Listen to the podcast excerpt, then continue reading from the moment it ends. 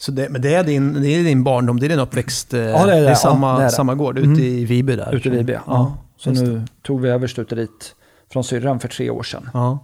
Och så innan hade farsan det. Men hon orkar, vill inte hon driva längre. Och då vill vi inte sälja gården, den delen av gården till någon annan. ja, Utan det.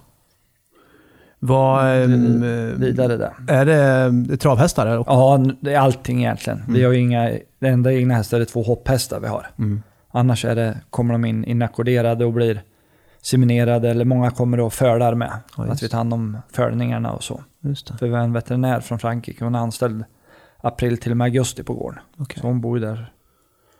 Så hon är liksom jour dygnet runt. Och speciellt när det är fryst sperma med så måste det vara precis på ägglossningen. Så då kan det bli insemination mitt på natten. Och Det är mycket med det där också. Ja. Det är en hel vetenskap. Ja. Vad, jag tänkte på Elitloppet var igår. Var Ja. det, hade ni någon kusen med där eller? Nej, nej, absolut inte så. Men vi har ju, inseminerar ju med Propulsion tror jag, han tar vi ju fryst sperma ifrån. Och sen han som vart diskad med fransmän har vi betäckt fem stycken med i år.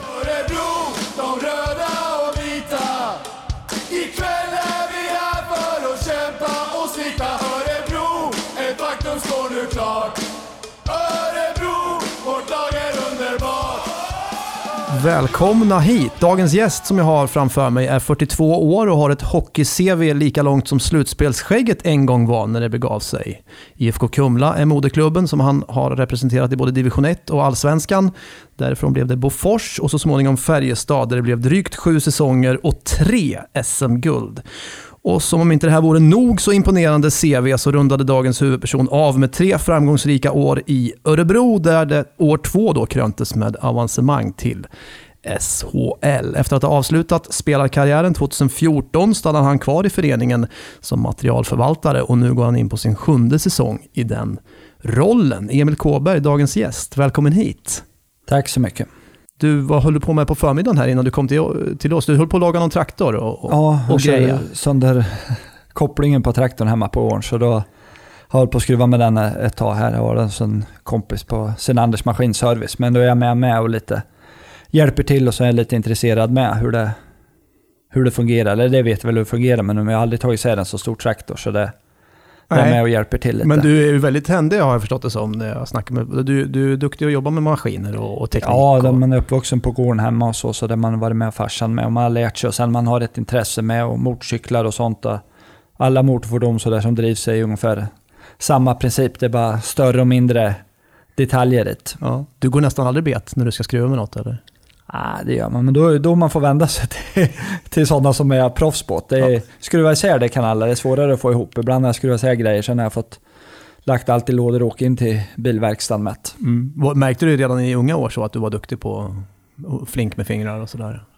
Ganska när jag var yngre, det var, det var jag väl så. Men det vart väl kanske mer när jag började närma mig, ja när jag vart ja, 15 när det var epa-traktor och sen när jag började åka lite motorcykel, kanske där när jag var 20 lite, då vart det lite mer intresse för att skruva hur grejerna fungerar och så. Man fattar lite mer. De moderna grejerna, tänk moderna bilar och så, det går ju knappt att göra någonting med va? Det är elektricitet. Ja, det, det är bara Det klarar in inte ens du. Nej, det, det, små pill gillar jag väl inte. Traktorn det passar rätt så bra att skruva där det är stora grejer och sånt där. Men Mm. när det är lite elektronik och sånt, då måste man ju till, till verkstäder. Den här dagen vi spelar in det här, då är det ju högsommarvarmt verkligen. Hur, eh, gillar du sommaren? Eller jag tänker eftersom du är hockeyspelare i grund och botten, kanske vintern är härligare för, för Emil Kåberg? Eller? Nej, jag gillar vintern med ja, men det är klart att sommaren är skönare. Allting går ju lättare. Det är varmt och, och skönt. Så det, man blir lite gladare av det. Men visst, en fin vinterdag med sol med är ju inte fel. Men måste jag välja något så väljer jag ju sommaren. Vad betyder den för dig? Vad, vad gäller att göra när det blir sommar? Då är det inte lika mycket hockeyfokus, som sagt. Nej, det blir... Då får man ju ta igen den tiden som man jobbar mer på vintern när man har ett sånt jobb. Så det, men mycket tid går ju åt hemma, hemma på gården. Det är, det är frun som driver stuteriet så, så jag har väl inget med det mer än att jag hjälper till. Men jag har mycket projekt på gården. Mycket byggprojekt som jag tror jag ska hinna med, men de känns som de bara blir mer och mer. Det byggs på. Det bara byggs på. Ja. Du, ehm, det börjar bli några år som materialare nu. Ja, tiden, tiden går faktiskt fort. Du sa det förut, att det är in på sjunde året, så att jag funderar lite. Det, det stämmer ju, det har ju gått jäkligt fort. Det känns ju som nästan som igår när jag kommer ihåg när man bestämde sig att man skulle sluta, eller sluta, det hade jag väl bestämt mig innan att det skulle göra efter de åren, tre åren här, men jag kommer ihåg ett väl när liksom vi gick ut med det och bestämde att jag skulle vara materialare. Och, ja, tiden går fort när man har roligt sägs det. Vad är det bästa med att vara materialförvaltare? Det är väl att man får med, alla säger väl att man saknar, eh, ja folk säger inte, det tycker inte jag heller, att man saknar själva sporten. Så det, det gör man ju, men det är ju omklädningsrummet och folket runt om och grejer och så. Och materialare, då är man ju närmare spelaren än tränare, men man blir ju liksom en stab vid materialare eh, ihop med tränarna och fystränarna, Det blir ju samma tugg och så ungefär som när man var spelare. Så det är ju... Det bästa är väl att man... Man behöver inte sakna omklädningsrummet som alla säger att man saknar. Och sen får man ju matchpulsen med att... I ett vanligt jobb, visst, det blir väl mer eller mindre spännande det med, men här har du ju två, tre gånger i veckan det liksom... Du får ut det du har jobbat med och även som spelare som materialare, man har servat och fixat grejer till spelarna, så får man ju ut något liksom lite extra när match kommer. Det brinner till. Ja, Finns det något mardrömsscenario som materialare? Jag tänker att glömma saker till bortamatcher, och slipar eller... eh, ja det går ju an. Det är mardrömsscenario, det är väl allas, det är väl att glömt matchtröjorna. Det, det är väl det, det har ju hänt lag genom år att det, det får man väl försöka, det är kanske inte frågan om utan när man gör det. Så det, ja, det dubbelkollar man många gånger, matchtröjorna. Så det, det är man lite, allt annat finns ju att låna och grejer och så av motståndarna. Men det, matchtröjor finns väl med, men det är inte så roligt att spela i borta, eller hemmalagets bortaställ då. Det har inte hänt i alla fall. Nej, inte, Under din regi? Inte under, under mina sex år. Jag vet det hände något år innan när jag spelade i Örebro, men då spelade vi dagen efter, så då kom de på det. Då hann de ringa in en som kom med matchtröjorna, tror jag var. Över... Fem minuter innan eh, vi spelare kom då, så vi hade aldrig märkt något. Det- Och det talade de inte om förrän det hade gått en litet tag sen. Bättre sent än aldrig. Jaha. Du, eh, och sen tänker jag, det, det är mycket som händer på materialfronten. När kom de här handsktorkarna? När, när började de dyka upp? Har de funnits alltid under din karriär? Eller? Nej, inte som spelare. Nej, det, var, det hör inte. Utan det... Det har jag inte tänkt på. Tiden går ju så fort. Ja, Det kanske har funnits 20 år. ja, det är så pass. Ja, det är det nog. Mm. Men nu är det ju... Nu de senaste åren tycker jag, 5-10 eller nog, då sätter nästan alla på handtorken. Det handskarna är ju så tunna och så tunt skinn i dem, eller konstskinn. Det, så de blir liksom sladdriga och lite harda om de är för blöta. Förut vill man ju blöta en skinnhandske för att du skulle få grepp. Mm. Men så är det inte nu. Och en handske nu, han, den kan du nästan ta på förmiddagsvärmning och sen spela match med. En, en gammal handske för 20 år sedan, den vill du köra in ett par veckor innan du spelar med en match med en. Så nu måste de torkas handskarna. Ja, nästan alla gjort. Får man min, mindre av den här, hockeyhandskelukten är ju väldigt speciell annars. Blir det mindre av den sen han, de här torkarna kom?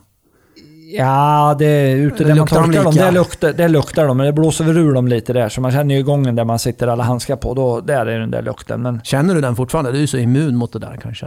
nej, den känner man och det gör man. Men jag tycker den har ju blivit bättre nu. För förut då använde man ju samma handske i flera år nästan. Man böt bara innerhänder, men nu byter man inte. Nu går det åt två, tre, fyra par per, per säsong. Kan det göra. Så de hinner väl inte grå, grå till sig så hemskt. Apropå hockeyhandskar då, dina vita handskar, dina klassiska vita hockeyhandskar. När började du med dem? Det var när jag var i Bofors och jag började spela med Rebellion. Så han som hade Rebellion då, Kent Bengtsson, han gjorde ett par handskar som passade till Bofors dräkter och sen gjorde han ett par handskar som passade till bortastället. Och då var det ju mest vitt, blått och rött och hemma var ju blått, vitt och rött då.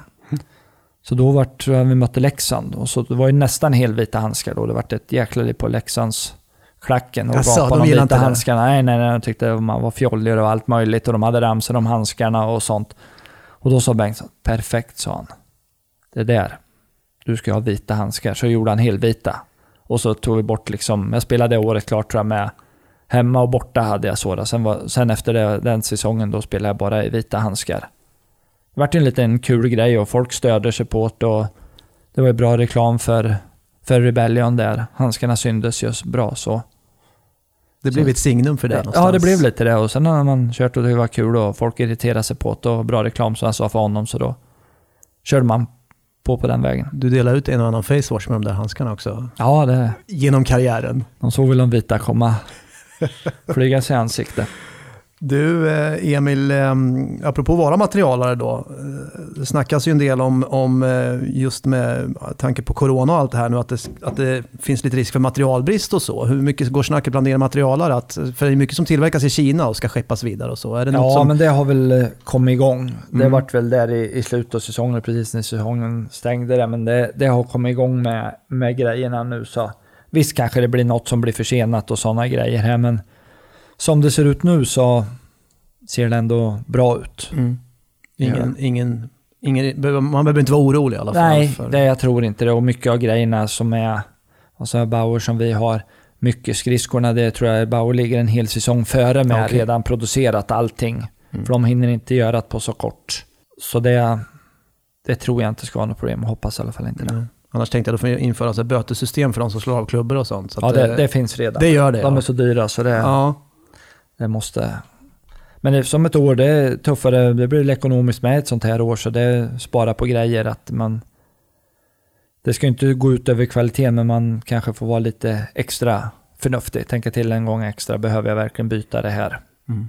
Sen får det inte vara att man snålar på grejer så det, det tummas på kvaliteten, men med sunt förnuft tror jag så ska det inte vara några problem det här ändå. nej.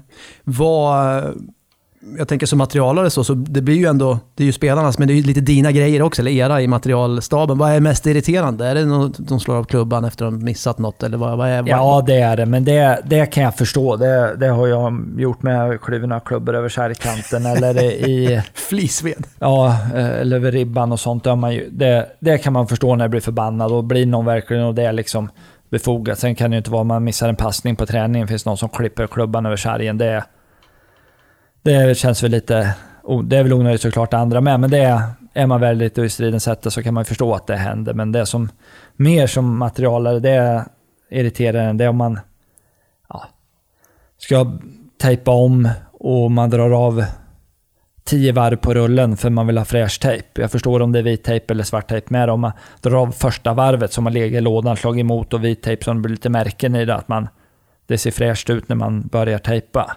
Sen när man kommer ut på träning efter en sekund så är det ju märken på, så det spelar egentligen ingen roll. Men det kan jag förstå man drar av ett varv på rullen, men inte man drar bort två armlängder. Det, är liksom- händer alltså. Det händer. Vad Och det- sä- sä- säger du till om du ser? Ja, det, det måste man ju. Det är ju, vi är ju tillsagda att hålla en budget med och det ska inte slösas med grejer. Det är ju, och lite tycker jag det med, det är ju bara sunt förnuft. Mm. Är det. Sen om man är lite petig med grejer, man vill tejpa om klubban lite mer än någon annan, det, så, så kan det ju vara tycker jag. Men när man gör rent sådana onödiga grejer, om du ska byta skridskosnören till, till varje match så kanske du har varit sjuk och skadad så du inte har använt skridskorna sen, sen förra matchen, men du ska byta ändå bara för du brukar göra det. Mm. Och du inte har nöten något på dem, då är det ju så onödiga grejer, då får man ju vara på. Men det... Ibland känner man ju sig som lite ja, petig, men de förstår egentligen vad det handlar om. Det Fick de betala själv att du fick lägga ja, 30-40 kronor och byta skridskosnören varje gång, då, då tror jag inte de gjorde det heller. Hur reagerar spelarna då, generellt, när du kommer fram och påpekar? Nej, generellt är det rätt bra. Första, första blir väl att de argumenterar lite och varför de gör det och det är, och det är smutsigt på tejprullen. Ja, det förstår jag, men det är ju inte smutsigt en och en halv meter när första varvet kanske är 30, 30 centimeter. Nej. Så det, Så spänner du ögonen i dem lite grann, så då, Ja, då, förstår, de vad det, du, då förstår Så de vad du menar. ja. 10 snabba med dagens gäst. Och då har vi kommit till ett segment som vi har valt att kalla för 10 snabba, Emil. Ja. Det är lite så här skjuta från höften-variant här. Ja, Inte så lång betänketid, utan du bara fire away. Ja, Emil Kåberg, är du redo? ja jag, Byter position så lite redo grann här. jag kan vara. Ja. Tio snabba med Emil Kåberg, here Ja. we go. Vem är den bästa spelaren du spelat med? Eh, under tid så det måste vara Jörgen Jönsson. Vem är den bästa du har spelat mot? Det måste vara lockout-året då om det var Marianne Hossa. Eller ja, Forsberg och Näslund var ju de med, de med. Så Forsberg har väl varit bättre spelare än honom, men just då så var väl när lockout då det var, tycker jag väl var Marian Hossen, han var i Mora, han var väl ruskigt bra. Mm. Stark och snabb och Forsberg var väl kanske inte på topp då. Ni mötte en ganska bra enhet i Frölunda där i finalserien också. Det var Daniel Alfredsson, Samuel Paulsson och Pebben va? Ja, Per-Johan Axelsson, det är en hyfsad Ja, eh, SHL-kedja. med. Daniel Alfredsson är med också ruskigt bra. De är- tillhör de, de bästa. Men som sagt, det året, det var ju Mm. de... Många av de stjärnorna i NHL var ju i SHL då, så Mm. det... Så det är svårt att välja ut någon, men som stack ut lite extra. Visst, Alfredsson var ju där med. Han var ju ruskigt. Det var ju många som var ruskigt bra. Huselius Linköping när han vart skadad det året. höll han Mm. På, hade inte han blivit skadad hade han väl slagit poängrekord i SHL Mm. hade han väl, så det var ju många som var ruskigt bra det året. Men det, just som kommer upp så där några, jag vet Hossan bröt Ja. sig igenom mot oss och liksom... Fruktansvärt var, snabb. Ja, snabb och så stark. Han var liksom så att här kommer han inte komma förbi. Han är en halv meter fel, men det bara var ett kliv och sen pam, armbågen före och tvärstark. Det som man kan bli imponerad även som motståndarspelare. Ja, ja, absolut. Men du, jag tänkte på, bara om för att återknyta, den där kedjan jag nämnde där måste väl vara en av de ruskigaste som har spelat i, i, i svensk ishockey med, med Polle och Alfredsson och Pebben. Hur mycket Ja. matchades din, med tanke på du, din speltyp, fick du spela mycket speltid i finalserien mot just den? Ja, det hade skapligt tycker jag inte. Att man, man har väl aldrig varit någon som har haft mest speltid när man har varit den spelartypen man har varit där, men skapligt. Men vi hade ju så bra lag med Färjestad och det var ju tufft om speltiden, men jag spelade ju hela tiden gjorde och Mm. kommer inte riktigt ihåg hur vi matchade där då, men det tror det var Mattias Johansson och de lite som matchade i finalserien mot den kedjan, men det var, det var tufft mot, dem, det var det. Mm. De var ett snäpp vassare än oss den finalen, helt klart. De vann ju med 4-1. Vi vann första matchen och trodde vi att vi hade lite, vi spelade lite tuffare då första matchen och trodde vi skulle vinna på det, men de hade oss svara upp på det med och varit lite tuffare till match två, kommer jag ihåg med.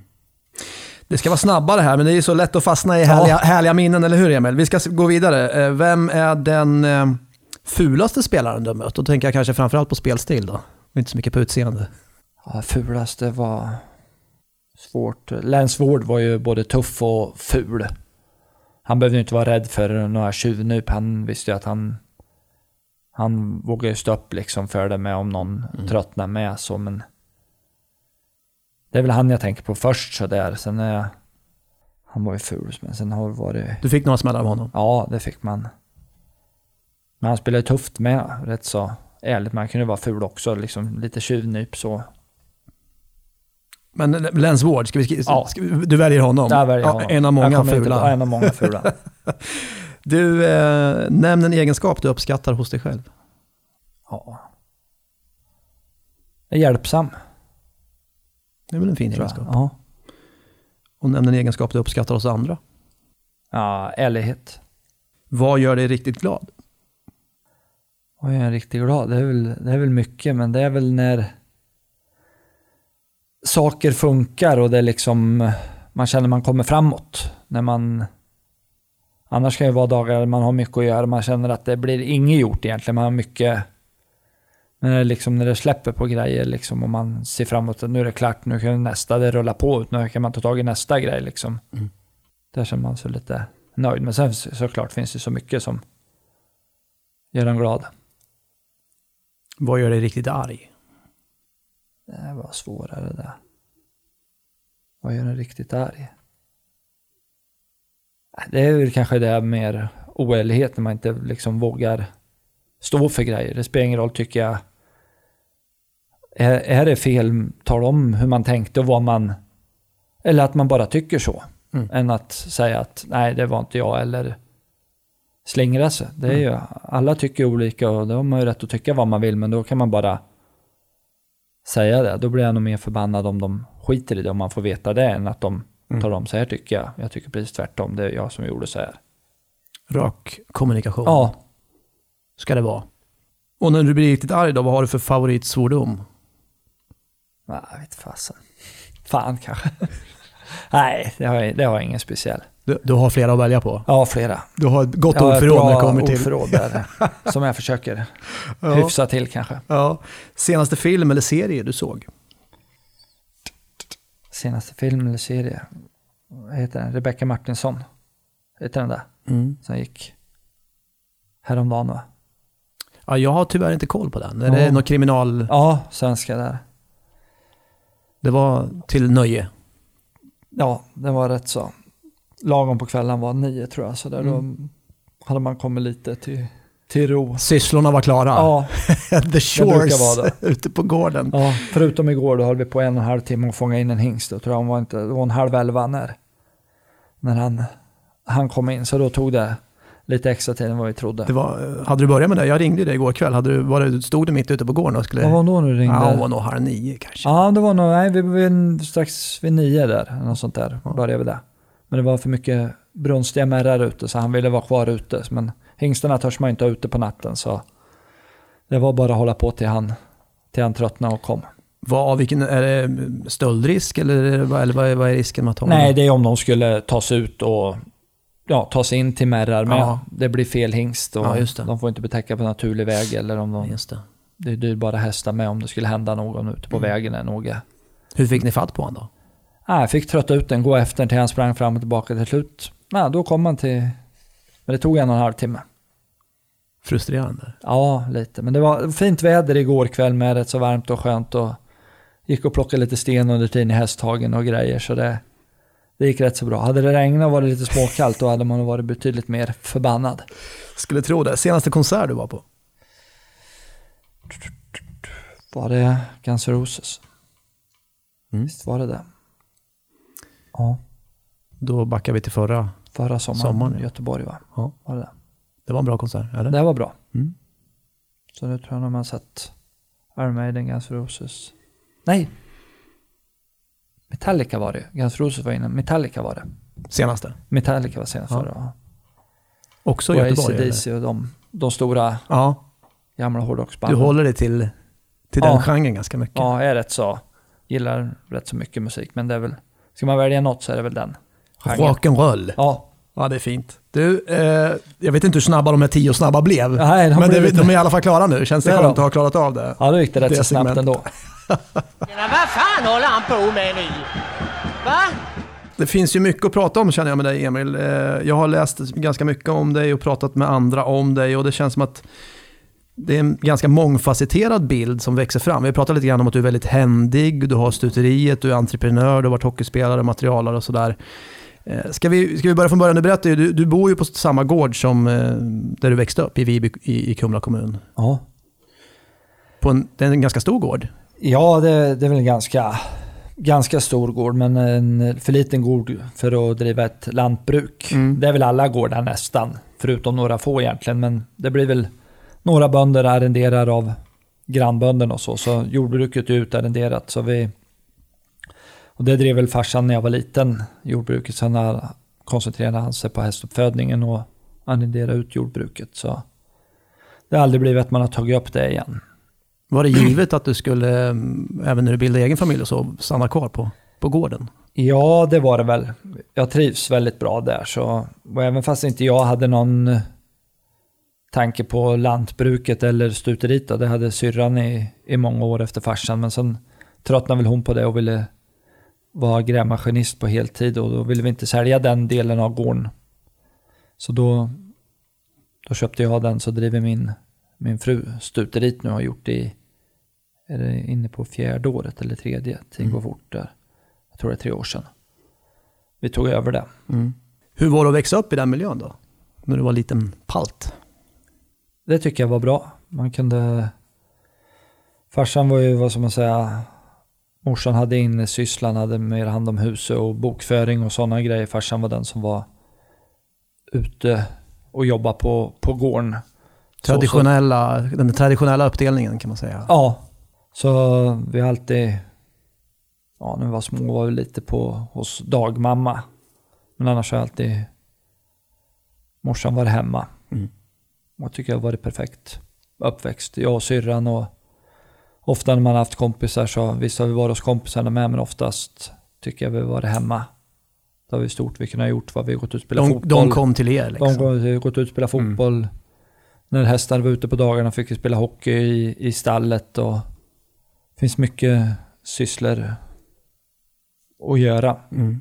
så kanske inte stadsungarna tycker. Det finns ingenting att göra på landet, men en annan tyckte det var frihet. Man kunde gå ut liksom hur man ville. Ni vände på det där. Ja. Säga, det finns hur mycket som helst, det gäller bara att Hitta på, hitta på det också. Ja. Du, och sen är det ju väl känt att din pappa drev ett stödboende också Mm. för kriminella och, och missbrukare som ville förändra sina liv. Det finns kvar fortfarande? Det finns kvar St- fortfarande och det är jag med med och vi har ju familjehem hemma på gården. Mm.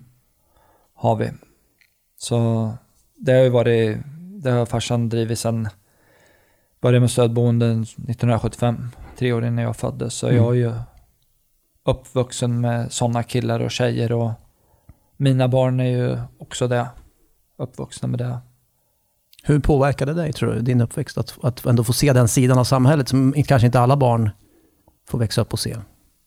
Ja, jag vet inte om det är så lätt, men det är väl kanske man, man ser vilket helsike folk kan ha.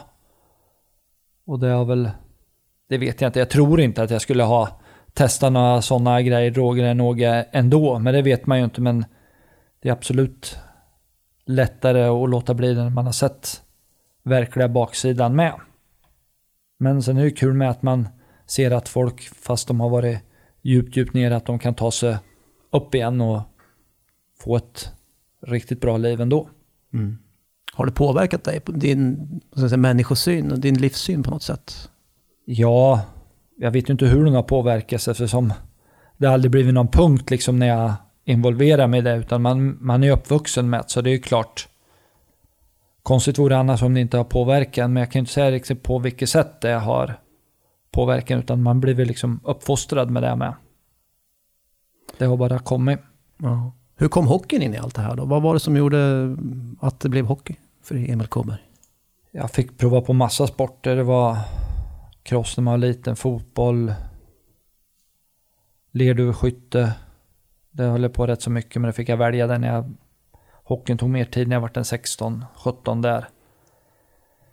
Eh, Gokart. Men så var det väl farsans kompis Börje Grönqvist som tyckte jag skulle börja spela hockey. Det var han som skaffade mina första skridskor och började på ÖIS hockeyskolan här i Örebro. Ett år då, innan sen när jag började riktigt lag, eller om man säger när Örebro, eller Örebro, sen när Kumla byggde hallen 88. Bobhallen. Bobhallen då ja. ja. Så det, det är väl, eh, men man höll på med mycket sporter he, hela tiden gjorde man, men det var väl hockeyn, det var inte hockeyn som gick bäst, jag var väl bättre på lerduveskyttet, men det var väl mer nötande det och hockey var mer action i, så det var hockey jag tyckte var roligare. Så det är ju inget, det är ju inget man ångrar idag här, men det vet man ju inte hur det blev om man har blivit lerduveskytt, men det... Jag tror jag... Kanske hade vunnit OS-guld i trapp eller något. Man vet aldrig. Nej, jag tror jag valde rätt ändå. Jag pratar med Emil Kåberg som är dagens gäst i Örebro Hockeys podd. Tuffingen Emil Kåberg. Hur tuff är du? Nej. Är tuff kanske när, när det behövs, men det är mycket av det man ser på ser på hockeyplan är ju en roll med. Sen var, var ja, jag tycker väl jag kan vara tuff om det behövs så, men det är en sak att vara, vara tuff i en roll på en hockeyplan och ja, stå upp för den rollen eller den spelstilen man har. Så det är nog många som får en felaktig bild av en som inte känner den så. Mm. Men den där tuffheten, var kommer den ifrån? Då? Är det också, ligger det också någonting i uppväxten att du fick med dig? Ja, det kanske det är och sen vet jag inte vad tuffhet är egentligen så. Orädd, om man säger orädd. Orädd, ja det är väl det. Det är mer. Det är väl kanske att... Det är väl lite hur man är fostrad med. Det var... Visst, det var inga problem att visa käns- känslor eller så för mamma eller pappa så, men det var... Ramlar man och slog så det, äh, det var inte så farligt. Upp, res på det. Det är liksom igång igen och sådär att det... Det var inget daltande. Nej, inget, inget daltande så. Det var det inte. Visst, behövde man trösta så var det inga problem med det om man var Mm. ledsen när man var liten. Men det var liksom rejält. Var det inget allvarligt, då behövde man inte gnälla. Var det något, då skulle man säga till. För då fick man själv, för man inte sa till om det var något verkligen. Men för små grejer eller sånt. Det kanske har präglat när man har sen vuxit upp med, med hockeyn med och det är tufft och det gör ont och Mm. det är liksom, det går ju oftast över och man vet ju att man kommer få smällar i hockey och jag är inte liksom, ser man ju på en del, de kanske är rädda för smärtan innan den har hänt. Men det är det sen är mer att den får man ju ta sen. Den kommer ju förr eller senare ändå, det är ju oundvikligt. Det är ju... Sen får man ju inte vara dum drist ibland, för då kan man ju bli skadad, men man behöver ju inte vara rädd för något som inte har hänt än. Jag hörde någonstans, du, du skadade, du bröt fingret som treåring. Du skadade fingret ganska allvarligt. Ja, Eh, så allvarligt. Eh, Halva fingret halva kvar. fi- finger försvann. Vad var det som hände? Fast en motorcykelkedja gjorde jag. Satt i en trampbil så stannade en kompis som var lite äldre med en liten motorcykel bredvid och sen på något sätt ramlade jag och trasslade i lillfingret precis bak i drevet. Så det är väl tur i oturen. Det kunde varit li- hela handen. Om man inte suttit här idag då blir det svårt att spela hockey. Mm. Men lillfinger, ett halvt lillfinger har gått rätt så bra. På vänstra handen. där. Ja, klara sig utan. Det är väl... Hämmar, hämmade på något vis eh, Nej, ditt inte. spel? Nej, jag har blivit starkare de andra fingrarna nästan. När har, man har testat så här greppstyrka så skilde det marginellt. Det var inom marginalen liksom. Man var lite klenare i vänster än högern. Men man har ju, sen de här tre år så har man ju tränat upp de andra fingrarna så det är Mm. inget. Det är lite när man, när Guitar Hero kom. Det Ja, var just man det, ingen höjdare det. på, men man skulle gå upp och spela när man behövde använda alla... På Extreme va? Extreme ja. hette ja, det? då behövde man använda, och hann man inte med med tre och flytta, då var man tvungen att... Då, det var väl kanske första gången jag saknade lillfingret, men det, Mm. Men det, jag det tror var det är någon... hela eh, världen och inte bli bra på det. Jag, tror att, jag vet inte om det är Keith Richards, det är någon av de här gitarrlegendarerna, gitarrhjältarna som, som bara solar med tre fingrar tror jag. Med bara pekfinger, långfinger, ringfinger. Så att, eh, Ja, då kanske jag skulle du kan göra karriär, karriär i det också. Ja. ändå. Men du, tror du någonstans att, att det där, du pratade om det, att uthärda smärta, att, att du fick med dig det liksom, från barnsben? Så Ja, att, och sen är det väl kanske lite som, som man sa, generna med, att man... Det är klart man känner hur det gör ont, men det är... Det är ju bara en känsla.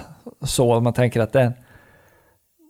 Hockeyn, det kan göra ont för stunden. Det är värre att ha någon malande smärta. Jag gillar absolut inte att ha ont i magen så. Mm. Liksom, sån smärta, det tycker jag är jobbigt. Men om det bara gör riktigt ont i en korsrund, det är inte så liksom... Då är det bara att bita ihop en liten stund. Då är det värre att ha tandvärk som lite småmal och irriterar den tycker jag. vad, var det med, vad var det värsta du råkade ut för på isen då, i smärt? På smärtskalan? Ja, det var nog sista matchen jag spelade när, när vi säkrade kontraktet i kvalserien. Sista åren mot Djurgården borta när jag täckte skott och han finta och jag stoppade ut benen och han sköt mig rätt upp mellan benen. Det var sista matchen, det var tio minuter kvar av matchen, tror jag åtta eller något. Det var ju gav det. Det är nog värsta. Då hade jag ju, då hade man, ja, då hade man ont i 14 dagar, men man hade ju riktigt ont i flera, flera timmar efter. Spräckte du någonting eller?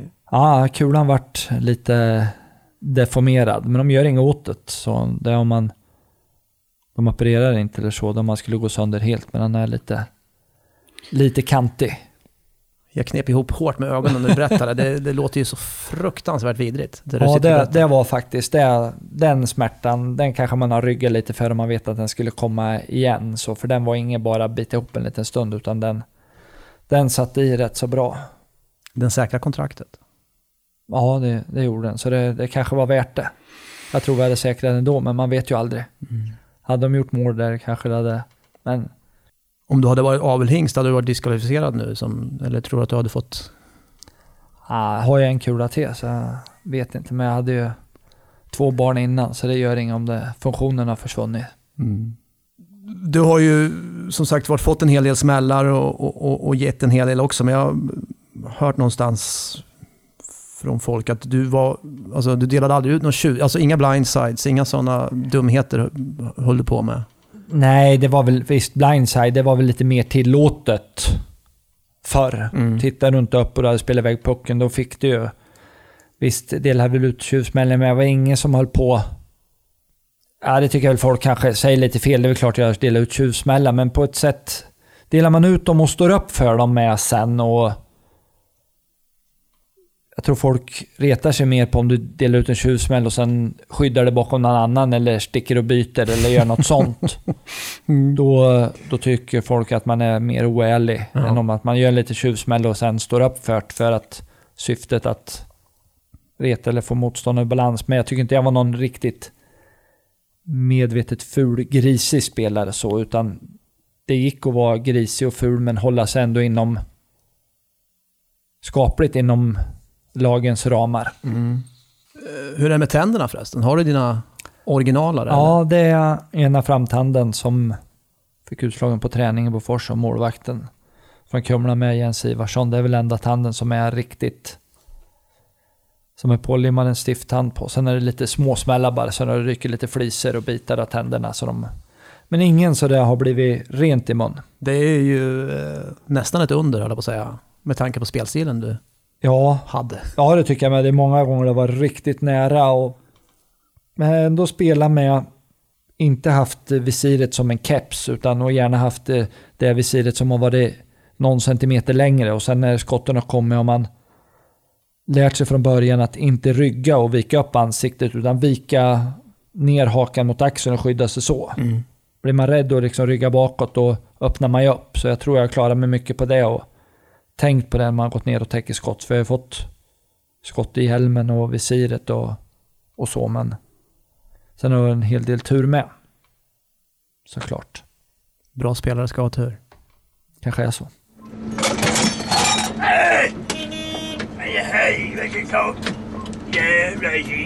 Apropå smärta, det blir mycket sm- smärtosnack här. Men du, du kör ju en hel del enduro och motorcykel också. Ja, Kåsan bland annat. Gotland har du kört på. Grand National eller International? Eller vad heter Grand det? National. Grand National. Grand National. Ja. Det måste ju vara en del smärta va? Att köra om ja där. det, det är det ju. Visst, det kan bli en jäkla smärta när du vurpar och drar i kull och, och så. Men eh, mest smärtan är kåsan liksom när man har kört halva, halva natten. Man kör ju, det är liksom tre streck, tre del. Mm. Fem sträckor på dagen och där kör man dubbelt på natten då. Så man har kört halva natten, då, då är det inte, jag tycker i alla fall inte det, då är det inte liksom roligt längre. Det har varit roligt på dagen och halva natten. Sen börjar det bara, då vet man vad det roliga kommer när man tar sig i mål. Mm. Så då är det bara en liksom pina egentligen. Det gör ont överallt och man försöker spara energi för man vet det kommer att gå åt när man fastnar i surhålen och det skaver i kroppen och då, då är det en annan slags smärta. Men den, på något sätt måste man ändå tycka är ro- är roligt för att, för att göra det. Men man sitter då och funderar rätt så mycket varför, varför. Ibland har man nästan så här, hoppas det går sönder på hojen så man kan, kan bryta för det. Har du brutit någon gång? Ja, jag, nu har jag lika många. Nu har jag två målgångar va? och två brutna. Mm. Då har det varit, inte maskinfel har det inte varit, utan det har varit, ena gick jag in i väggen totalt ena året och andra hade jag ont i nacken och axeln så jag orkade inte hålla i styret. Då kan det vara svårt då. Då vart det, ja. Sen, sen förra året då, då, då tog jag första kåsan, då kom jag igenom och nu sista här. Så nu måste jag väl köra igen för att ha mer målgångar än, än brutna. Så det är inte roligt om man bryter i, i år då, då får man Minus statistik. Ja, då minus. Då måste man Minus minus två ett. till i alla fall. Ja, det är det. Men det är en annan slags smärta där i alla fall. Det, den är bara liksom tjura sig igenom för sen efteråt är det värt det. Mm. Vad, ehm, du, du, stort motorintresse, alltså stort motorcykelintresse generellt eller? Ja, det har jag väl haft eh, motorintresse egentligen sen man var liten. Man körde lite cross när man var liten och sen körde jag väl lite när jag var runt 20-årsåldern. Mm. Lite. Men sen när det blev mer hockeyn som tog över och som ett jobb sen i Färjestad då fick man ju inte köra. Så då började jag köra lite rally, lite Volvo original och det fick jag ju köra för Färjestad. Det är ju Ja. ingen skaderisk så.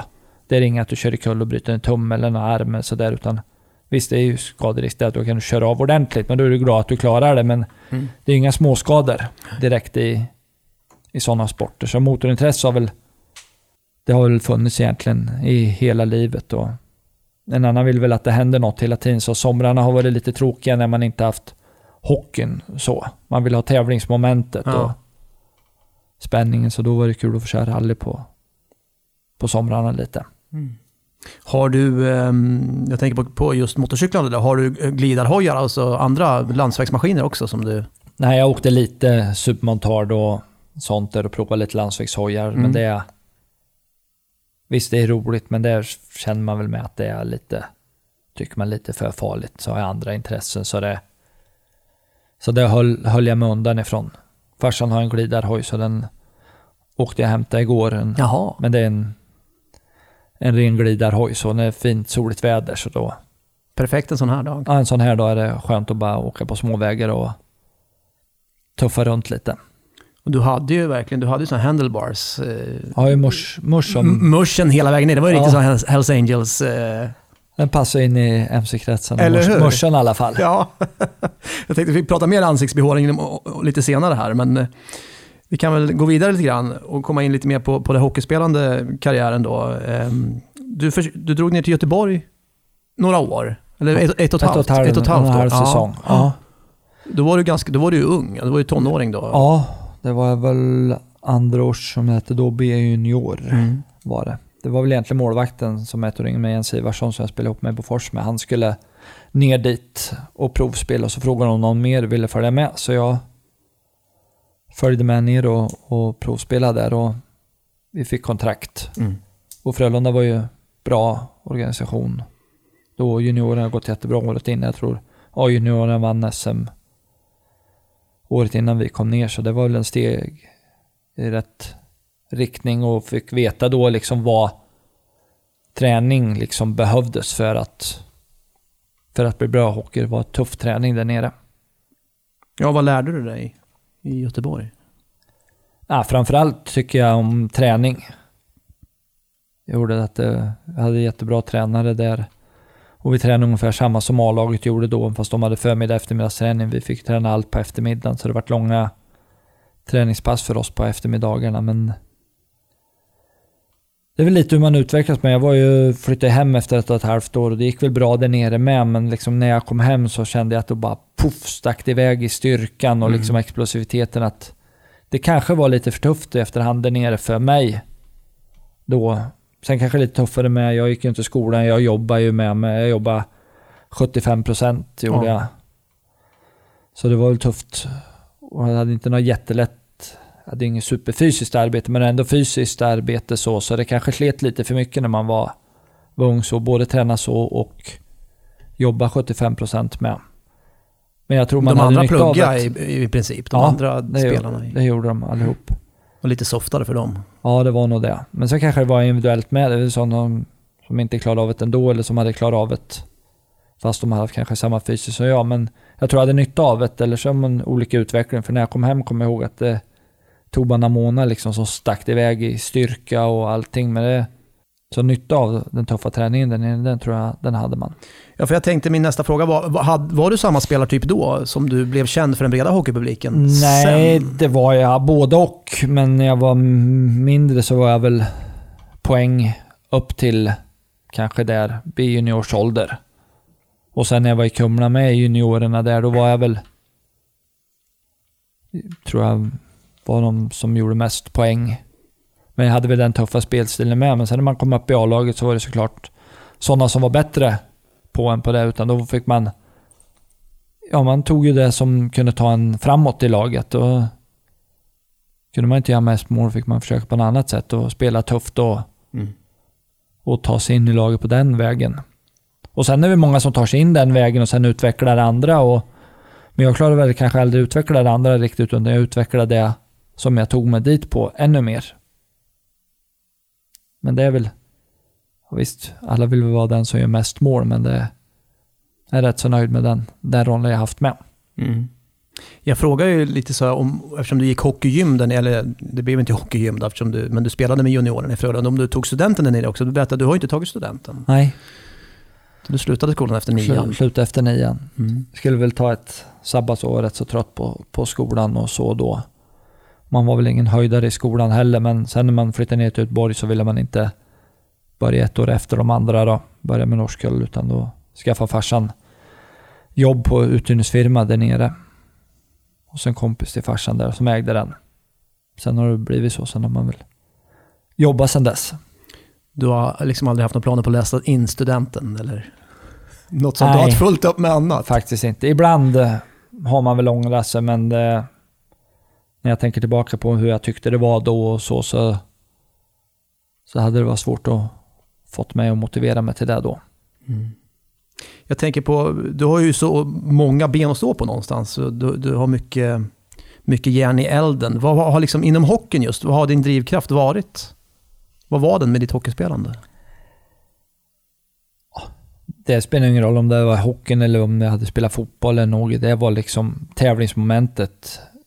Vinna och, och att det gick att kämpa. Liksom, som jag sa, jag var bättre på led och skytte var jag där, men det... Det fanns inget att smälla på nej, det. och det går, nej, Mer det än- går mer inte än att kämpa- duvorna. Nej, det går inte att kämpa i sådana Nej. grejer. Det är mer Nej. finlir och nötande. Det är väl ett slags Mm. kämpande det med. Men här är det liksom fysiskt att du kan... Går det inget bra, du kan bara jobba hårdare, jobba, jobba. Det är väl det som tilltalar en i hockeyn. Men d- för vissa är ju hockeyn verkligen allt. Det, det känns inte riktigt som att det har varit, alltså du har ändå haft en ganska skön distans till det, eller? Ja, det tror jag. Både, vad ska man säga, på gott och ont. Det är hockeyn allt att du har inget annat att göra. Liksom, så då kanske du måste ändå driva det ännu hårdare. Men det, det kan ju ofta bli för mycket då. Mm. Det knyter sig liksom. Jag, jag har egentligen spelat hockey hela tiden bara för att det, det har varit roligt. Jag har inte behöva... Inte behövt gjort det för, pe- för pengarna så att säga. Nej, jag har kunnat jobba med, no med något annat då med. Och jag vet väl, det var när jag, innan jag gick till Bofors när jag var i Kumla där, var det något år jag var lite trött på att det gick dåligt för Kumla där och var så där. Då hade jag väl lite tankar, vad fasen, skita i ett år. Men det var väl farsan som var på, nej, sa han. Det går över. Inte så lätt, sa han. Och det var det är väl enda gången jag tänkt så. Det var väl tur att han sa till mig det då med. Hade han varit, ja, skit i det där. Om han inte hade gillat hockey, kanske, då hade man kanske slutat. Men det tror jag, både på gott och ont, men jag tror det har varit bra för mig att liksom haft annat att gjort. Mm. Vad har han betytt för dig, din pappa? Vad betyder? Det är väl klart, mamma och pappa har betytt mycket. Det, farsan jämt skjutsade mig på hockeyträning, morsan med. Jag kommer ihåg jag gick på hockeyskolan här i Örebro och var väl rastlös på sommaren. Det var väl skönt att få iväg mig lite. Jag gick ju ofta här alla tre veckorna i Örebro här och jag tror något år tror jag morsan var nästan varje ett av ispassen varje dag var hon på i tre veckor och titta. Gjorde hon som de alltid ställer upp och aldrig varit några liksom, bekymmer när det har varit när jag spelade när jag var liten i hockeyn med i Kumla. Tränade både med 78 som min årskull och 77 och 76 så det kunde bli från 7 till 10 och ibland var man med veteranerna det fattas folk med dem på kvällen och farsan var där i kafeterian eller åkte hem eller kom tillbaka och hämtade en sen det det har aldrig varit några bekymmer att de, nej nu har det varit så mycket, nu tar vi det lite lugnt hemma ikväll. Hade jag velat åka iväg så då, då körde de iväg med. Härligt. Ja. Och ha den stöttningen. Ja, och många resonerar väl då till farsan att det kommer bli för mycket för honom. Han kommer tröttna på det och tycker han inte det är roligt med hockeyn och kanske han slutar. Att det är, ja, farsan resonerar så att ja, det gör väl inget. Det är, ju- då tycker han inte han det är roligt längre, då gör det inget om han slutar. att det är inte jag som tvingar iväg han utan det är han som säger att han vill åka. Mm. Då vill han träna tre timmar eller fyra timmar så får han göra det. Okej, Emil Kåberg, eh, om vi klampar vidare ytterligare lite grann då, så är det tidigt 00-tal. Du börjar göra ett namn kan man säga i Hockeysverige då, först i, i Kumla och, och du får mångas respekt. På gott och ont antar jag. Det är många som vill eh, utmana Emil Kåberg. Ja, så har det väl varit med och det har jag egentligen tyckt bara varit roligt. Har det varit, för då vet man att då har man gjort något som är jobbigt för motståndarna med och lite att folk tyckte att man har varit tuff och de vill utmana en på det med. Och det har ju sporrat en med. En del matcher har man inte varit på topp men då har man åkt på en jäkla smäll istället och då har man vaknat till. Då är man med i matchen igen. Så det tycker jag det har varit drivkraften med eller andra har hjälpt en med det. Du har inte haft något problem med det, att bli utmanad? Nej, och nej, Folk det- ställer frågor. Nej, det, det har liksom snarare bara varit positivt. Det bryr de sig inte om, men då tycker jag då har man inte då har man inte varit något jobbig för dem. Men visst kunde det hända saker utanför också? Jag vet, eh, viskades om någon incident i Karlskoga, någon som provocerade även utanför isen. Att det var, det var någon krogkö eller vad det var för någonting. Folk, folk ville vara på dig och... Ja, det, det har väl hänt. Och det just i Karlskoga var det inte, det var inte folk, det var det var ordningsvakten året innan vi kom till Bofors där som man inte riktigt kom överens med. Det, det kan man väl inte... Ville han också provocera? Ja, det, han ville nog bara visa sig stor och, och, och duktig, vakten. Det är väl... Jag ska inte säga att det var någons fel, det var nog... Jag kan inte skylla allting på han. Man kunde väl varit smidigare i den situationen själv, men det... Mm. Jag tycker han hade mer del i det. Du fick det, en anmälan på dig? Ja, det fick jag. Fick. Det, och det fick på våldsamt motstånd. Fick jag väl inte bli utkastad och tyckte det var på fel grunder. Och det var det väl, men han kan väl inte hålla reda på allting som händer på en kväll som man förstår. Men visste han vem jobb. du var? Visste han Nej, att du det, var... det, det tror jag inte. Så det här var inte för att Nej, för det, det hockeyspelaren absolut Emil inte. Det, det var inte. Sen hela det tumultet var väl inte jag skyldig till heller riktigt som det vart till slut att de stängde av hela stället en halvtimme innan och tände upp. Då, Var det de- Vickan de- eller var det... Ja, det var det. Det var Vickan, ja. Det var nog mycket folk utifrån skogarna i Karlskoga där som bara väntade på att det skulle bli något bråk någonstans och så de fick lägga sig i det. För det var folk åt alla håll där. Så Stod redo med högafflarna? ja, så allting som det vart där och skador på vakter och sånt så var de, Ja, den lilla delen i det, det var nog allt möjligt folk där som... Tänkte du då i ditt stilla sinne att du kommer någon gång att spela i Bofors IK? Nej, där... inte att jag skulle spela där året efter. Det, det trodde jag absolut inte. Nej. Och det fick man väl... Kom väl upp på vad det...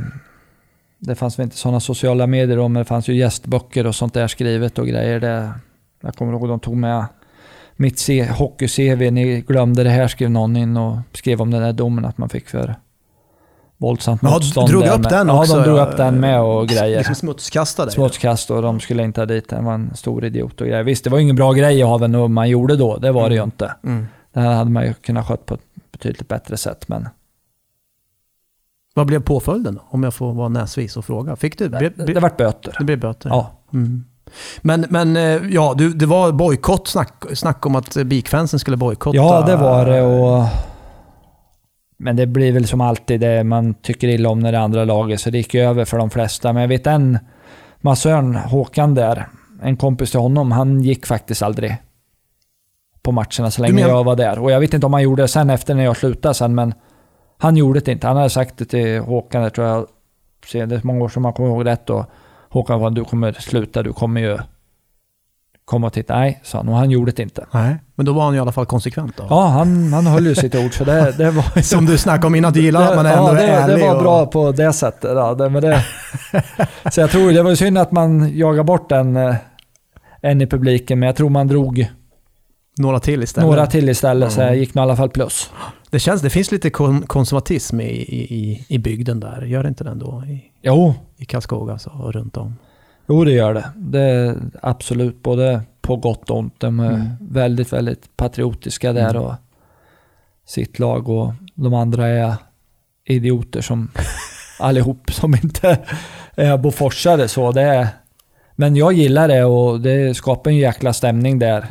Vi mot dem, vi mot ja, världen. Det, det så, så vart det ju det. Det tror jag inte bara det är inte bara de säger bickandan att det är folk, de, det är klart de i laget som skapar det, men det tror jag är publiken och folket runt om som är, också har skapat den andan. Liksom.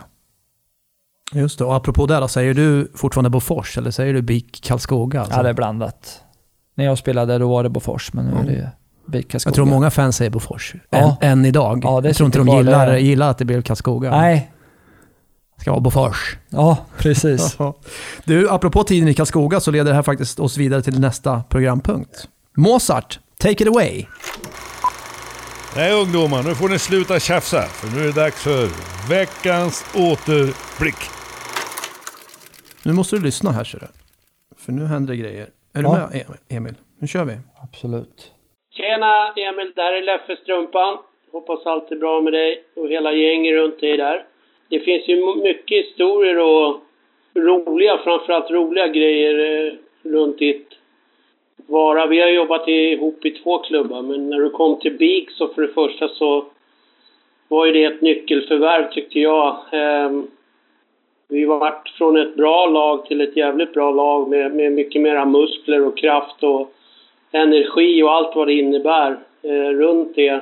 Så att det, det var... Sen hade jag hört att du var en bra kille, men, men det var fel. Du var en ännu bättre kille än vad jag har hört. Det var, det var viktigt för, för oss att du kom.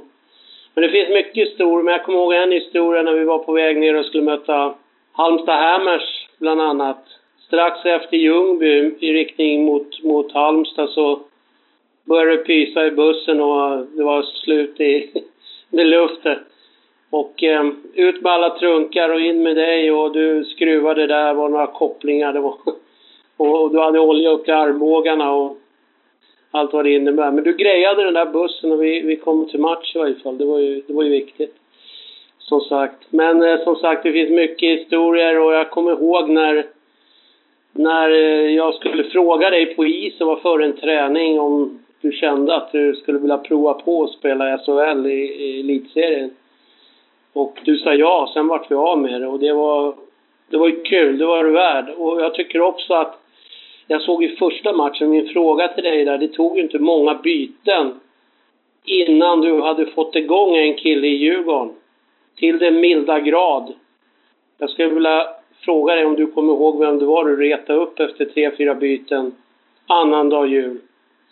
Det är min fråga till dig. Sen som sagt finns det så mycket roliga grejer att berätta eh, runt din och min tid i BIK, hur, hur vi egentligen jäckade hela Sverige på, på alla sätt och vis.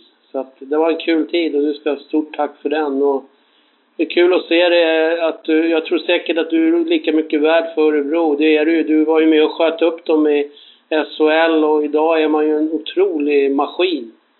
Och du tillsammans med Niklas och Christer och Jörgen och hela gänget där, Mattsson och alla, det ser ruggigt starkt och bra ut. Och jag förstår vikten av att ha dig där också. För det förstod jag när jag hade dig i många år, hur viktig du var för, för grupp och lag. Strumpan, Ja, var roligt det här. Leffe Strömberg. Riktigt roligt.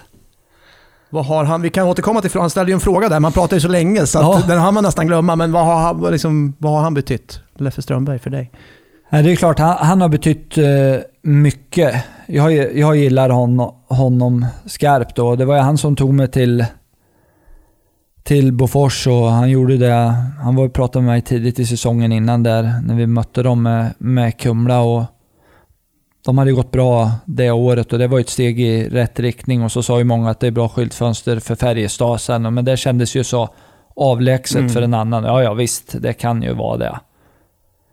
Men... eh, Nej, han, han, han har betytt mycket och, och perfekt tränare tycker jag i Bofors. Det var ungt lag och pådrivare och fick ihop det där med som vi pratade om förut. Alla vi mot alla. Ja, det, det måste ju vara liksom, det måste ju passat honom perfekt. Ja. Och kunna piska upp en sån atmosfär. Det gjorde det och speciellt med yngre spelare sådär. Mm. Där då... Det var nog helt perfekt tränare för Bofors där. Den hade tiden. några karaktärer, det var Termell och det var Ja, Näslund. Nä, Näslund, Torsten Yngvesson. Mm. Och många Persveder. Nej, så det Var, det då, var- den- var det då den där grismyten eh, föddes? Eller Ja, den där jag, innan? jag tror det. Ja. Mm. Det, det var, nog, var nog där. De hade ju många tuffa Bofors innan med Holmberg och Pekka Wernberg. Det var många där liksom tuffa spelare med innan, men det var då riktigt det tog fart. Eh, han hade väl ett finger med St- Strömberg, Strumpan, eh, till att du gick till Färjestad sen också? Ja, han, det, han sa det i frågan om jag kommer ihåg den. Eller, Ja. För då var han ju, han kom ju tillbaka till, två år efter sen kom ju han till lockout år. Han kom, eller ja, året efter. Sen kom ju han till, till Färjestad innan jag, jag gick ju mitt i säsongen där. Mm. Men det kommer jag ihåg när han innan jul sa att du skulle vilja prova på att spela i Färjestad. där?" Så, Jaha, tänkte jag, ja det är väl klart man vill det. Ja, de skulle vilja prova dig här i mellandagarna, sa han och träna om du är okej, om du vill det. Som vi har sagt ja. Så det är egentligen, det förstod jag han vad man skulle svara. Så det var ju bara Ut och köra. ut och köra. och vem var den här Självklart. spelaren då? Kan du minnas? Jonte Hedström, tror jag det var. Var det rätt där? Ja, det är helt korrekt. Det Det är rätt. Du, Ja. du, du minns det som ja, igår? ja, ja det, det kommer jag ihåg Djurgården. Första matchen var Djurgården borta, sen var Luleå hemma, sen tror jag det var Brynäs, jag vet inte. Mm. Oh, han, han var ju tuff spelare med och, och på så... Liksom det vart nog om han skulle tackla mig och, och han, det hände inte så mycket så skulle jag tackla honom. kom lite sent och det vart lite fult det var där och han direkt på. Fick och du- och var på en så det... Men du fick han ur balans ändå? Ja, eller ur balans. Han var väl en spelare med som blev bättre Ja, ja. av det med. Han gillar väl men det märktes ju bara för en själv att man gjorde något som var jobbigt för motståndarlag att han var på en. Mm. Och det var ju då, det var säsongen innan lockout, året där. Ja, det var säsongen innan. Då spelade du en halv säsong. halv säsong i Färjestad. Ja. Tänkte du efter de där, när du hade retat upp Jonte och flera andra nyckelspelare i de andra lagen, kände du på dig att det här kan nog bli en förlängning? Ja, det, det tänkte jag inte på så, utan man var ju mer orolig för att om man skulle hänga med i tempo och, hur, och allt sånt där då. Hur, hur det skulle vara. Men där kände jag att fasen, det här klarar jag av. Sen visste jag inte om man skulle få Färjestad, men det hade, det inte blivit Färjestad då så hade jag säkert fått kanske året efter någon annanstans i något annat SHL-lag och sånt där tänkte man. Då, då visste man med att, kände jag att man klarade av det efter de där tre matcherna och att fan, det behövs så lite till. Det hade ju motiverat en att träna ännu hårdare för att ta sig dit. För jag började ändå tro, jag var ju 25 när jag kom till Färjestad, att ja, jag kanske har nått så högt jag kan i hockeyn. Var man ändå 25.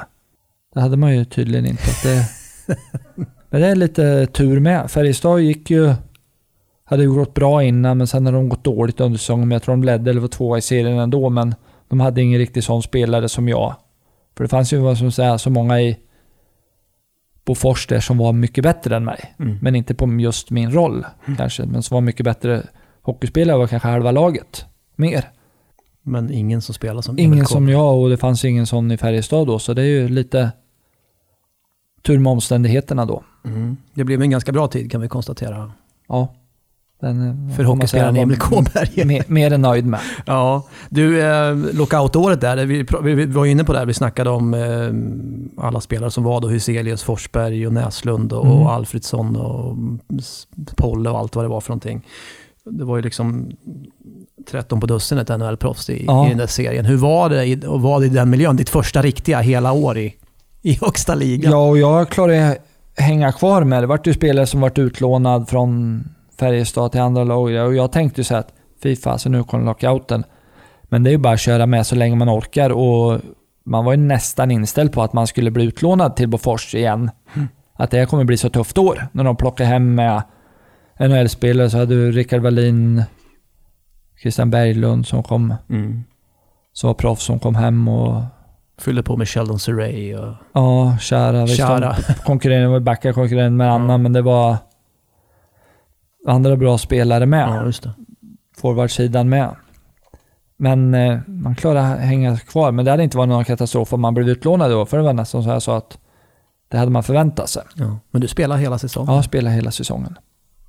och skramla ihop 297 utvisningsminuter om vi räknar in Ja. slutspelet. 297 utvisningsminuter! Hur är det ens möjligt, Emil? Ja, det var rätt mycket där. Det var väl både och det året att det vart inga avstängningar heller. Nej. Sen var det många tuffa spelare och sen ville man väl, det var väl första riktiga året med, så man ville väl göra sig ett lite namn med och visa att man aldrig backar. Det gjorde jag väl inte innan heller och inte efter heller så, men då kanske man valde sina lägen mer utan nu kunde man liksom lukta upp sig till ett sånt läge och ta, få med sig någon annan bara för att ta lite minuter utvisning. Inte så det drabbar laget, men ändå att lite göra sig ett namn. Hur många game var det av de där två? Det måste ju vara en hel del, 20, 20 minuter. Ja, det, det vart väl några... några det är det mesta. Jag kanske inte haft så där mycket, jättemycket överdrivet tvåor. det blir, nej, det blir ju haft. 152 år om du skulle ha suttit. Nej, så det det, vart väl mycket matchstraff som drog iväg med. Och, Är det något som sticker ut? Är det, någon du, är det något du minns av av den matchstraffen lite extra mycket? Som, eh, nej, ja, det är väl eh, några fighter med Andreas Lilja. Sen fick jag ett i Frölunda, kommer jag ihåg, när de skulle... Det var lite onödigt. När skulle de skicka upp min klubba på läktaren. Efter det hade varit en småbråk och vi hade Mm. fått två plus två. Och sen skickade de upp läktaren och klubban på läktaren och då fick jag tag i han som gjorde det. Jag mötte honom när han var på väg från så jag skickat upp klubban och gav han en smäll. Så då fick jag matcha, få inte han. Det, det vart man ju det är lite, alltid returen som... Ja, det vart man lite lurad i, i fällan så. Mm. Gjorde man andra känns det väl inga som var direkt onödiga så. Jag fick ju med mig någon förutom den gången ut. Just det. Och sen då, då gjorde du verkligen ett namn i den stora hockeykretsen och sen kom ju då säsongen 05-06 och då efter att den säsongen var färdig så var det väl få i Hockeysverige som inte visste vem Emil Kåberg var.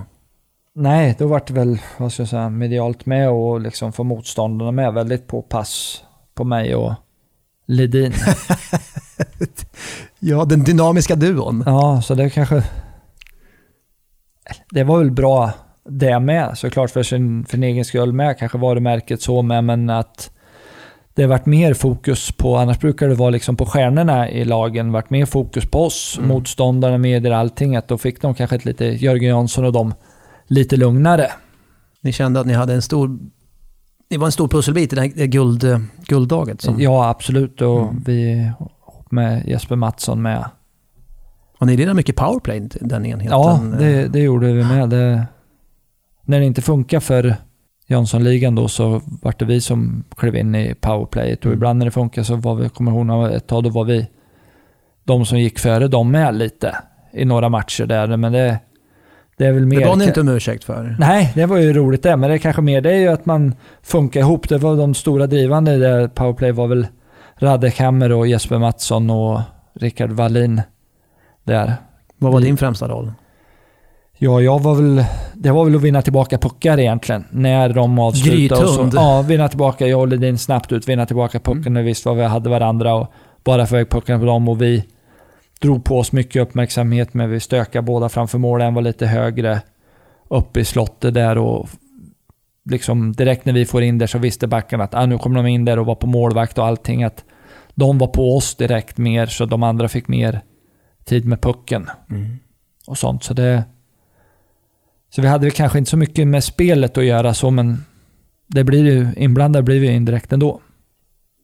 Och så slutade det då med guld för er i Färjestad och Per Ledin och du hamnar ju då på Sportbladets Ja, första sida, den här leg legendariska guldsprayningen.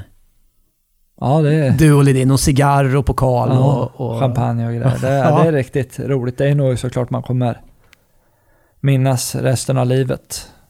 Det är det ju, helt klart. Per Ledin, har du någon kontakt med honom? Lite ibland. Mm. Pratar och... Och nu uppe i Luleå med, han är ju i hallen hela tiden där. Fortfarande, nu är hans grabb spelar och... ha- Han är ju runt där jämt så då pratas vi vid nästan Mm. varje gång. Är, ni väl, är ni väldigt lika eller är ni väldigt olika skulle jag säga? Som... Nej, både och. Vi.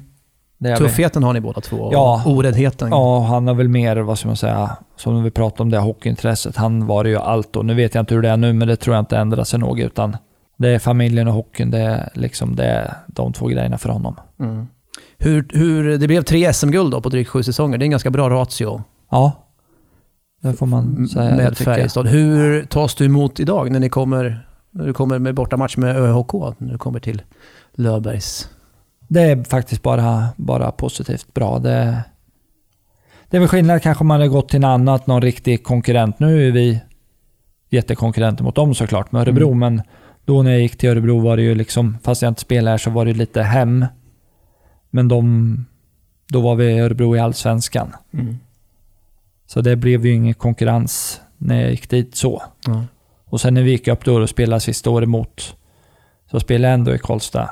Det kändes lite konstigt första matchen så, men när den var igång så var det ju ingenting och folk var ju glada för man hade spelat i Färjestad. De var ingen missnöjda att man spelar i Örebro nu då. Nej, och sen tänker jag, du, du nämnde att det var ju annorlunda när du gick då, för det blir ju snart tio år sedan du lämnade. Nu håller det väl kanske på att byggas upp någon slags rivalitet, eller? Ja. Mellan... Jo, det gör det. Det är väl närmsta oss och Linköping, men det känns ju mer faktiskt derby när vi åker till Färjestad och spelar än till Linköping.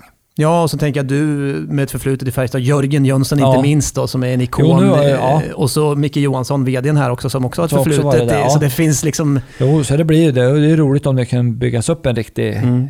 rivalitet. Lite som det var Örebro-Västerås för kanske. Mm. Örebro, Bofors. Bofors, ja.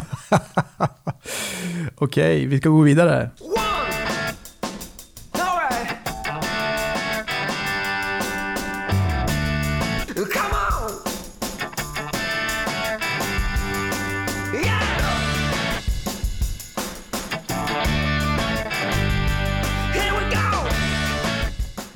Emil Kåberg, dagens gäst. Eh, vi spinner på här. Du lämnar ju då Färjestad efter guldåret 2011. Och de har ju faktiskt inte lyckats vinna sen du lämnade. Jag vet inte vilka slutsatser vi ska dra av det. Att, att sen du, sen du Nej, gick du så- drar nog rätt. Du ja, tänker jag, rätt. jag tänker rätt där ja. Det blev ju då Örebro. Vad var det för lag du kom till? Och organisation? Det var ju en som var på väg uppåt. Absolut. Har Mm. haft tuffa år bakom sig, Örebro och konkurser och grejer. Men det hade ju liksom Falandare kommit in och Peter Andersson, Mozart, men han har ju alltid varit här och drivit på. Men det var ju åt rätt håll och Mattias Mattsson, fystränaren, kom in samma år som mig då och liksom det satsades, tycker jag, åt rätt håll och att hallen skulle rustas och byggas om och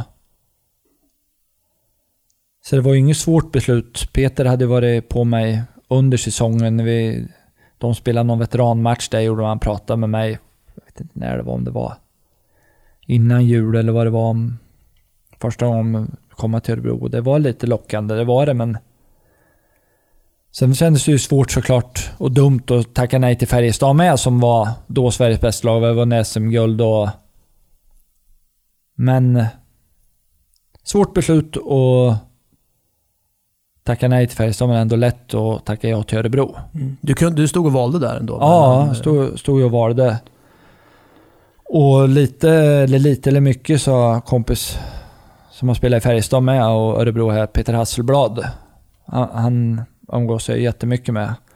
Han sa ju då att, ja är det nog jag ångrar mig i karriären, sa han, att jag inte liksom kom hem och spelade ett år. Han försökte väl, men han vart ju skadad då i armbågen. Att det ångrar han sig lite i karriären. Han skulle vilja spela ett år innan han la av hemma igen i Örebro. Och fast inte jag spelade i Örebro då så kändes det ändå som hem. Ja. Det knöt ihop sig. Du ändå varit i ÖIS då som du Ja, berättade. som Det var liksom att på ishockeyskolan. Det är lite så. Sen, för jag visste att det är här jag ska bo sen. Och, Mm. Eller jag har bott här hela tiden utanför Örebro. Så kändes det ju rätt. Och visst, jag har haft turen att få vara med och vunnit tre SM-guld. Och man, tanken kittlar ju att vara med och få gå upp. För det hade ju Örebro lite uttalat. De ville satsa på Mm. att ta sig upp. Och, ja, man vet ju hur liten chans det är. Det är ju så tufft om det, men chansen hade ju absolut inte funnits om jag hade varit kvar i Färjestad. Då, hade, då var den ju obefintlig. Mm, mm. Gick jag till Örebro så fanns det ändå chansen. Och drömmen var ju ändå att det skulle bli som det blev. Det var ju drömscenariet och, och det liksom slog in. Mm. Ni var ju i kvalserien redan första året då, när du kom. Men det blev en, vän, en vända till i Allsvenskan Ja, innan. första året var vi väl bättre under serien och så, men vi hade inte riktigt det. Det kändes som det vart ett steg till när vi kom till kvalserien, som det ska vara. Mm, mm. Men att vi inte riktigt var rustade för det på något sätt. När, året efter så kom vi liksom som en underdog dit. In, året innan, jag tror första året vann vi serien och kom dit lite, inte som favoriter att gå upp. Mm. Det är man ju alltid efter SHL-lagen, men det var väl vi och någon till som skulle i så fall. Men andra året gick det dåligt för oss under säsongen och sen började, vart en vändning i fortsättningsserien och vi tog oss genom den och upp till kvalserien och då kändes det som att vi, vi fasen det här är tufft att vi var redan inne i ett slutspel kändes det som. Mm. Redan när vi vände på den dåliga trenden Det var i do or serien. die hela, hela vägen liksom. Ja, och, och börja gå. Så då var det med året innan, Örebro var ytterligare året innan var med där. Att spelare som varit kvar där och liksom veta mer, jag med, visste mer vad det, vad det innebar. Mm. Och spela kvalserien. Jag hade gjort det med Bofors med, men det var ju så många år innan. Och, och sen är det såklart, man behöver en hel del tur. Och året man gick upp där, Sandberg ruskig målvakt det året med. Det, det måste man ju ha för att, att gå upp också. Och sen några spelare som liksom tar ett verkligt kliv då, Weinstock med Mm. Wiklander och Lövdahl och Gråns har för mig var jäkligt bra i kvalserien med. Det måste varit något alldeles extra då, att få, få göra det du hade hoppats på att få göra. Gå, Ja, med, absolut. Det var gå hela vägen. gå hela vägen. Och visst, man, det har jag sagt många gånger, det är inget som är större i Sverige än att vinna SM-guld men att gå upp det... Känslan är minst, minst lika häftig att, att ta sig upp. Ett SM-guld kan aldrig någon ta liksom ifrån en så då, men det är ju en jäkla fest och allting roligt efteråt och minnena, de är ju kvar och så, men att gå upp med, då är du ju liksom belönad med minst ett år i SHL och, och så mycket mer det drar med sig. Så det... Minns är du, minns häftigt. du, ja såklart. Minns du hur, hur det var i stan då? Liksom? För det här var ju någonting man det hade längtats länge efter, Ja. efter det här steget. Nej, det är, man tänker efter på, så här tillbaka, så var det ju liksom, för en annan och tror jag många andra med, det var ju precis som man, man låg och fantiserade innan man skulle somna om att tänk och få gå upp med Örebro liksom och hänga kvar och etablera sig och allt, ja, precis som det är idag och jobba kvar här och nu är det ju, nu sitter man ju i nästa steg, nu drömmer man ju någon dag att vara, vinna SM-guld med Örebro med. Det är ju det och det känns ju inte helt på en snar framtid heller så. Det känns inte så avlägset. Nej, det gör det ju inte, för Nej. det känns inte mer avlägset egentligen med att vara med och gå upp där. Om man tar några år innan Örebro gick upp och säger att vi kommer gå upp om tre, fyra år, Ja. så känns ju det mer av, avlägset egentligen att man är med nu och att man kan vara med och slåss i ett slutspel ett år. Mm. När allting ju, klaffar. ja, ligan känns ju så jämn också någonstans. Alltså det är många lag som, Ja, ja, visst. som är med. Så att, eh, Det har varit en avbruten säsong, men man ser här det, det året vem... Ja, Luleå kanske favoriter då. Men sen fanns det ju hur många som var näst favoriten. mm. kanske var en fem sex lag. Och någonting man också minns, visst var det väl då du hade det här vansinniga slutspelsskägget som, som eh, jag berörde ju lite grann om det här med ansiktsbehåring. Du hade Ja. ju, det- visst var det 13 där va? Eller Jo, ja, det, det var det. 12-13. det. Det var det. det Kan det ha varit det här som vi har på, ja, det är den. på bild? Det var en liten, jag var synd, det var en, En liten bild. Ja, det blev Ja. en liten bild med ett stort skägg kan vi konstatera. Eh, Det här måste vara då våren 13 va? Ja, det är det. Någonstans, ja. Det är det tror jag det är. Berätta lite om det här skägget. Hur, hur, du bara lät det gro eller? Ja, bara lät det, lät det gro och tjuv, tjuvstartade ju lite såklart innan slutspelet. Det där är ju inte bara i kvalserien. Jag tror jag började väl i november, oktober, november eller något sånt där. Mm. Så det blir väl det blir väl lite mer poppis med än man hade trott på. Ja, det blev väl en, en snackis i hela Hockeysverige och kanske till och med utanför. Kan man sköta det där på något vis? Eller hur, hur gör man för att det inte ska... Kamma, schamponera och borsta. Så det inte tår ihop sig. Det blir som att sköta håret Ja. Ungefär. ja. Var det bara lite längre tid framför spegeln på morgonen. var det poppis hemma? Nej, inte så, men hon var rätt så van. Du har ju haft var- lite olika, Ja, olika varianter. Nu har du ju, hur ska man beskriva din skäggväxt idag? Den är... han var väl lite halvdan, men det var för eh, trimmen gick sönder häromdagen, så den ligger isärplockad på Mm. diskbänken hemma. Det är ganska långt ifrån det här ändå. Ja, det som är det. ser på bild. Det är ju inte jättebra radio det här, men jag tänkte vi ska ändå ranka några andra slutspelsskägg också. Ja. Är du med på det? om vi säger att det här är en Absolut. 10, Ja, så är det någon som skulle mot förmodan slå det så får det bli en 11 då. Liksom. Men då får du ranka mellan 0 och, 0 och 10 Ja, här då. ja. Det- Kåberg liksom är 10. Här har vi nog, det här ska nog vara Ryan Ellis tror jag, i Nashville. Det är ju lite eh, så här eh, Civil War-skägg va? Han kommer Ja. upp i en bunker i Gettysburg där och...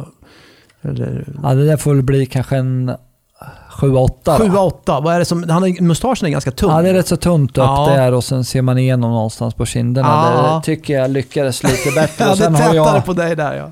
Mitt är väl lite svartare med, så det är väl, Ja, ja, just det är väl det. lite... Fladdrar iväg här lite. Så vi vi har en dubbelbild här faktiskt. Här har vi lite det här det städade slutspelsskägget. Då har vi Henrik Lundqvist här till vänster och sen är det ju Z då, Henrik Zetterberg. Ja, det där, vad ska man säga, är ju fina skägg. Ja, det är ju finlir Det ja. tar man ett slutspelsskägg så är det inte, då blir inte det mer än en 3-4. Oj, oj, så pass lågt ändå. Ja. Ja. Ett slutspelsskägg tycker jag det ska vara vildvuxet och Ja. lite ovårdat. Ja, då, Det då, där, är, det där är för vårdat. både Z och... Det är fina skägg, men det är för vårdat. Ja. Då ska vi se om, du, om, om pulsen går upp lite grann på Kåberg nu då, när vi drar Joe Thornton, San Jose. Ja, det där är... Det där är bra va? Det, Det tycker jag med en tia. Är också, det, det matchar dig Ja, alltså. det, det tycker jag. Det var väl här om året Det då är det, när San ja. Jose var, gick hela vägen till final då. Då har de några månader på sig att Och det där är väl rätt så likt. att ladda. Ja, det är en duktig... Det är en Det är duktig... tjockt där. Ja, det där är ju Mitt värdigt. kanske är något längre där, men nej, det är nog... Det är värdigt Onedin-linjen va? Någon sån Ja. här sjöfarar, sjöfararskägg där. Det tycker jag är bra. Då har vi rankat skäggen. Det är Då- kanske om han att... Eh, där han är ju var det förra året eller vad var det? Sa ja, du? måste ju varit. Ja, han börjar väl närma sig 40. Det hade väl jag med då om jag hade haft slut skägg då. Han har väl fått in lite grått lite. Ja. Jag klarar mig väl ifrån det. Det vart väl när 40 började smyga sig in lite grått. Just det. Go, go, go, go, go, go, go, go. Vi ska snart tävla också tänkte jag. Men ja. innan vi gör det så måste jag ändå eh, fråga lite grann från steget då över till att bli materialare. För det blev ju säsongen efter. Du, du spelade ju en säsong till. Du spelade ja. ju SHL då med Örebro. Mm. Och du var ju tillbaka med besked där också. 126 utvisningsminuter har jag läst mig till att det blev. Ja, det Sen blev det noll i kvalserien. Jag vet inte om det var för den där, det skottet du täckte eller vad det var som Ja, hände. men det hann jag med några. Så det... Nej, men då, då är det väl, får man inte... Där måste man verkligen passa sig en Mm. kort serie och inte dra på sig något. Och jag tror alla vet vem jag var där med vi mötte. Att det var väl ingen som ville utmana och vi var väl... Vi låg väl med i topp i hela serien. Man behöver inte få några matcher att vända liksom. Vi vann våra, våra matcher som behövdes där i början. Mm. Och då behöver inte vi få några andra att vända. Och sen är det lite tillfälligheter med, men på en så kort serie och så lite onödiga utvisningar, det kan straffa sig fort. Var det självklart att ändå vilja fortsätta verka nära hockeyn? Ja, det var det. Det var väl en av Örebros tankar att de hade direkt i deras förslag i kontraktet. Det var väl det de kunde locka lite också med eh, att jobba efter karriären. Mm. Men de ville väl ha ett litet mer, att det, det hade jag väl i första året, lite administrativt, inte administrativt, men att vara med lite på kontorssidan med. Just det. så, men jag ville vara materialare, men jag var med och träffa lite sponsorer och hjälper till lite annat med såklart. Det man kan bidra med. Men det för mig kändes det ju som såklart roligt att få det erbjudandet och vara kvar i hockeyn. Och nu man- blir det år sju här. Ja, som vi sa tidigare, det rullar på fort, gör det. Men det, det som driver den fortfarande är ju med att få visst spänningen i matchen, man får matchpulsen, men att vara med och vinna något också. Mm. Det, det har man varit med och fått gjort det någon gång förmånen tidigare i karriären, fast det är en annan karriär liksom som materialare. Eller jag ser inte det som någon karriär så, men att man vet hur, inte bara för en själv, utan liksom för folk runt om, publiken, alla fans och folk som jobbar runt hockeyn, hur mycket det betyder, hur det kan motivera en att jobba ännu hårdare och få vara med om att vinna. Mm. Så det är det som driver en nu med, Det låter som att du kan stanna länge om, om det behövs. om dina tjänster är efterfrågade. Ja, ja absolut. Det är nu trivs jag och det. Och det tror jag inte, skulle man, det blir om en, inom en snar framtid vinna så vill man ju vinna igen. Mm. Det är det, men om man fått vara med vunnit då kan jag nog sluta som materialare med, med gott samvete. Ja. ja, du har ju lite annat att pyssla med som sagt var. Ja, det har jag. Jag har ju, Gården, ja, jag har mycket, mycket att göra ändå. laga Men- traktorer och Ja, allt vad det är du håller på med.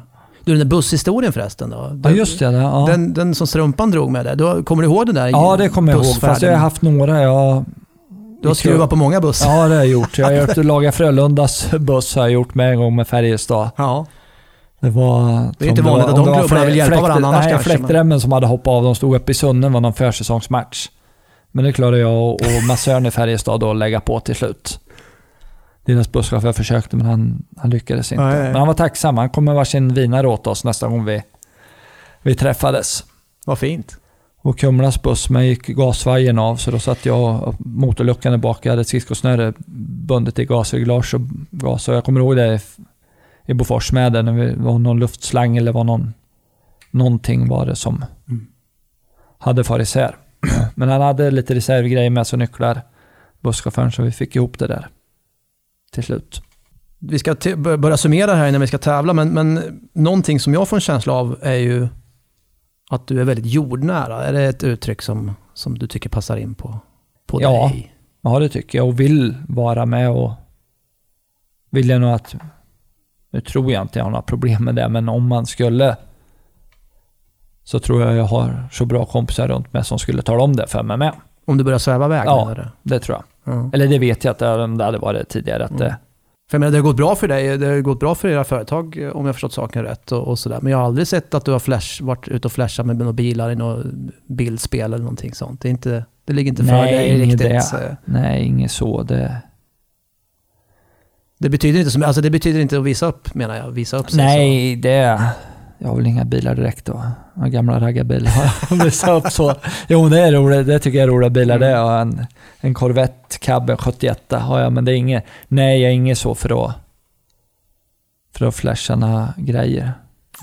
Kommer det också, vi pratade lite grann om uppväxten och det här att få se samhällets baksidor och så. Kommer det tillbaka lite grann till det också? Att, att se att mm, uppskatta det man har någonstans? Ja, det är det och- med. Och, och sen vill man ha lite extra och grejer och sånt så, så vet man att det måste jobbas hårt för att, för att få de grejerna. Göra, så är det och vara, och vara inte snål, men lite om sig och kring sig lite.